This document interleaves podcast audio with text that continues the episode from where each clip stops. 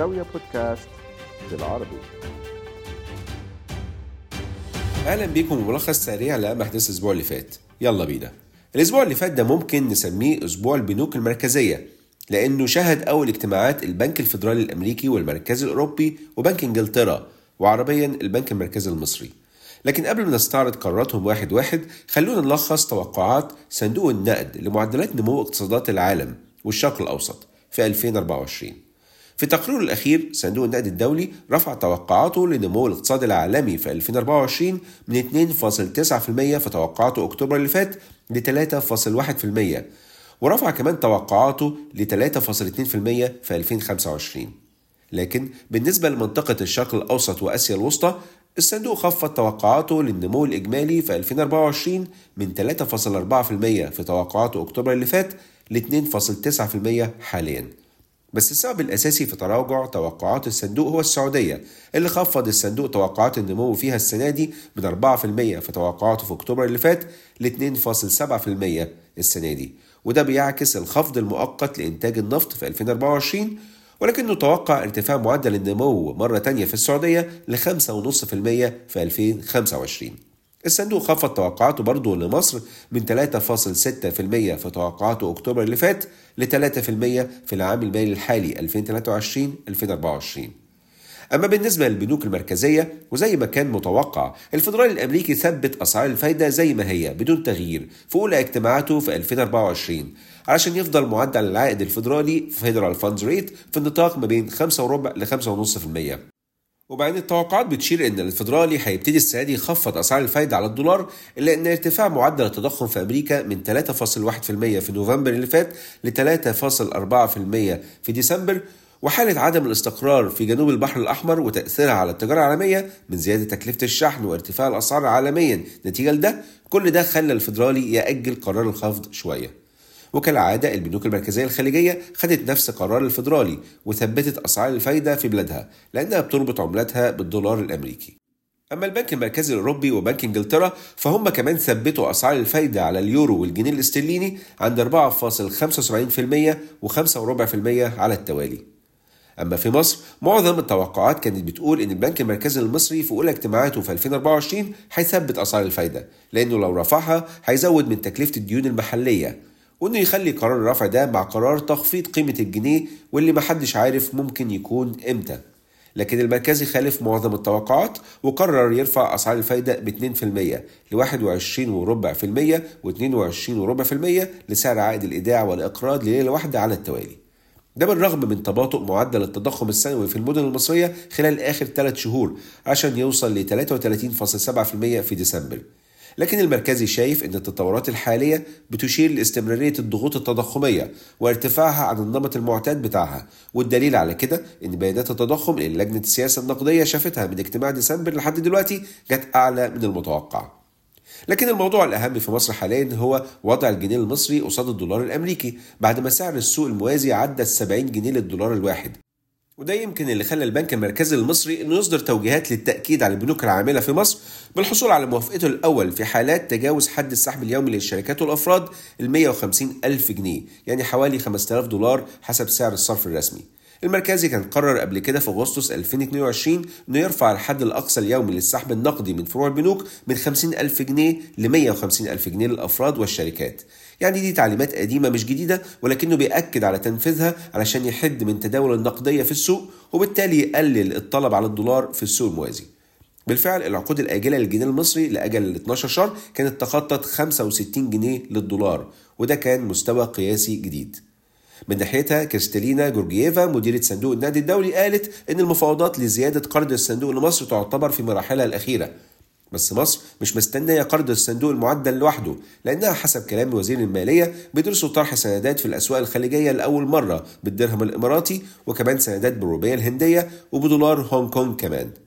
ولتخفيض الانفاق كنوع من السياسة التقشفية مجلس الوزراء المصري وافق يوم الاربعاء اللي فات على مشروع قرار بيعمل على ترشيد الانفاق الاستثماري في جهات الموازنة العامة والهيئات الاقتصادية. ده غير تأجيل البدء في مشروعات جديدة أو الحصول على تمويل أجنبي لمشاريع. طب ده لإمتى؟ لنهاية العام المالي الحالي اللي بينتهي في 30 يونيو الجاي. والسبب؟ أزمة السيولة وصعوبة توفير العملة الصعبة. ما عشان كده سموها عملة صعبة. طب إزاي؟ تأجيل تنفيذ المشروعات حديثة الإدراج بالخطة الاستثمارية للعام المالي الحالي وعدم التعاقد على أي تمويل خارجي أو شراء سيارات الركوب وعدم البدء في أي مشروع جديد ده غير التركيز على الاحتياجات الاستثمارية الضرورية والملحة بس. وخفض تمويل الخزانة العامة للخطة الاستثمارية بنسبة 15% من الاعتمادات المستهدفة. وأي استثناء هيكون بموافقة رئيس الوزراء وبناء على عرض وزارة التخطيط والتنمية الاقتصادية بعد دراسة المبررات. بس طالما في استثناء والموضوع لمدة خمس شهور بس يبقى دي مش سياسة تقشفية قوي يعني طب الحكومة تعمل إيه تاني تعمل إيه تاني مجلس الوزراء وافق على مشروع قرار يلغي بيه إعفاءات من الضرائب والرسوم كانت بتمنح لجهات حكومية في الأنشطة الاستثمارية والاقتصادية وبكده يكون في مساواة ومنافسة عادلة بين الجهات دي وغيرها. طب مين الجهات دي؟ وحدات الجهاز الإداري للدولة ووحدات الإدارة المحلية، الهيئات العامة القومية والخدمية والاقتصادية والأجهزة اللي ليها موازنات خاصة. والكيانات والشركات المملوكة لأي من الجهات دي بشكل مباشر أو بشكل غير مباشر. بس في استثناءات برضه زي الإعفاءات اللي بموجب اتفاقيات دولية والإعفاءات المقررة للأعمال والمهام العسكرية وحماية الأمن القومي طب نسيب مصر بقى ونروح لسوق النفط العالمي وبالتحديد أوبك plus اللي هي منظمة البلدان المصدرة للنفط أوبك plus حلفائها واللي اللجنة الوزارية المشتركة بتاعتها عقدت اجتماع افتراضي الخميس اللي فات من غير ما تقدم أي توصيات بخصوص سياسة إنتاج النفط وخصوصا بعد الالتزام الكبير للدول المشاركة سعر النفط مرتفع من بداية السنة ما بين 2 ل 3% بعد ما كان مرتفع لما بين 7 ل 9% تقريبا قبل نهاية يناير. وبمناسبة النفط عملاق النفط في السعودية وفي العالم شركة أرامكو بتدرس طرح تاني محتمل في فبراير 2024 عشان تجمع ما لا يقل عن 40 مليار ريال أو حوالي 10 مليار دولار. والهدف تمويل خطط تنويع الاقتصاد. بس إحنا عارفين إن عجز الموازنة في السعودية من المتوقع إن يوصل ل 1.9% من الناتج المحلي الإجمالي السنة دي. والمملكة عندها احتياجات تمويلية بحوالي 86 مليار ريال أو تقريبا 23 مليار دولار. منها سداد مستحقات أصل الدين العام وتغطية العجز. بس سهم أرامكو منخفض 6% من بداية السنة. أما في الإمارات وفي ضوء سياسة تحرير أسعار الوقود تم رفع أسعار بيع البنزين بأنواعه في بداية فبراير بنسب ما بين 1.8% و 2% في حين تم تخفيض سعر بيع الديزل بحوالي 0.3% بس. لكن في قطر شركة قطر للطاقة الحكومية ثبتت أسعار الديزل والبنزين بأنواعه لشهر فبراير. ولسه في قطر وللمرة الأولى من سنة 2007 مؤسسة التصنيف الائتماني موديز رفعت تصنيف قطر الائتماني ل Double A 2 وعدلت النظرة المستقبلية لمستقرة وبكده تصنيفها الائتماني بقى زي الإمارات وفرنسا وكوريا الجنوبية ولكنه أعلى من المملكة المتحدة. طب ده كله اقتصاد. إيه بقى؟ مفيش سياسة؟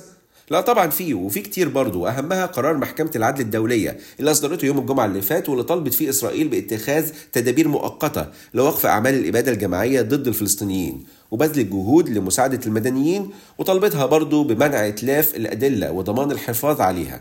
زي عدم منع بعثات تقصي الحقائق والمفوضين الدوليين والهيئات التانية من الوصول للأدلة دي في غزة.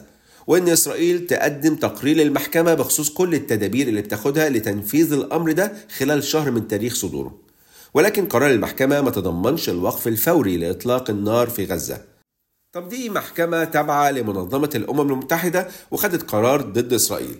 بغض النظر عن قدرتها على تنفيذه من عدمها ولكن وكالة الأمم المتحدة لإغاثة وتشغيل اللاجئين الفلسطينيين بالشق الأدنى للأونروا قررت فصل موظفين عندها بعد ما السلطات الإسرائيلية قدمت معلومات حول المشاركة المزعومة لعدد من موظفي الأونروا في غزة في هجمات حماس في 7 أكتوبر. وبعدها قررت الولايات المتحدة تعليق تمويلها للأونروا مؤقتا. وفي هذه الأثناء أعلنت جماعة الحوثيين اليمنية إنها استهدفت سفينة تجارية أمريكية في خليج عدن كانت متجهة لمواني إسرائيل في عملية عسكرية نوعية أصابتها بشكل مباشر وده بعد استهداف المدمرة الأمريكية USS Gravely بكذا صاروخ بحري في البحر الأحمر وإصابتها برضه بشكل مباشر بعد تدميرها لصاروخ حوثي كان بيشكل تهديد وشيك للطيارات الأمريكية. بس الأمريكان مش بس مستهدفين في جنوب البحر الأحمر دول كمان تم استهدافهم بطيارة مسيرة في شمال شرق الأردن قرب الحدود مع سوريا وتم قتل ثلاث جنود أمريكيين وإصابة أكثر من 30 تانيين. في حادث هو الأول من نوعه اللي بيتقتل فيه أفراد من القوات الأمريكية في الشرق الأوسط من بداية حرب غزة أكتوبر اللي فات. ده غير الهجمات الثانية اللي على قوات أمريكية في سوريا والعراق. من ناحية الرئيس الأمريكي جو بايدن اتهم جماعات مسلحة مدعومة من إيران بشن الهجوم ده لكن من ناحية تانية إيران نفت أي علاقة ليها بالهجوم. الأردن فيها قوات تابعة للولايات المتحدة عددها حوالي 3000 ومتمركزة في أنحاء الأردن. الأردن اللي اتأثرت فيها السياحة بخسارة 500 ألف سائح في نوفمبر وديسمبر اللي فاتوا بعد اندلاع الحرب في غزة. لكن عدد السياح الوافدين للأردن كان ارتفع بأكثر من 30% على أساس سنوي. في 2023 ويعتبر أعلى ب 20% من 2019 قبل جائحة كورونا. وارتفع دخل السياحة ل 7.6 مليار دولار في 2023 بارتفاع 19% على أساس سنوي. وننهي البودكاست من لبنان اللي مجلس النواب هناك صد على مشروع قانون موازنة عام 2024 بالرغم من اعتراضات وصفت الموازنة إنها غير إصلاحية وغير عادلة. الموازنة بتتوقع زيادة كبيرة في الإيرادات من خلال ضريبة القيمة المضافة والرسوم الجمركية بالإضافة لغرامات على الشركات اللي استفادت من الأزمة المالية من خلال الدعم اللي كان أمنه لهم مصرف لبنان زي شركات النفط. وبكده تتساوى الإيرادات والنفقات يعني الموازنة بقت من غير عجز. طب ماشي هنمشيها من غير عجز والأيام هتورينا. كان معاكم عمرو حسين الألفي من زاوية تحياتي لكم والسلام عليكم ورحمة الله وبركاته.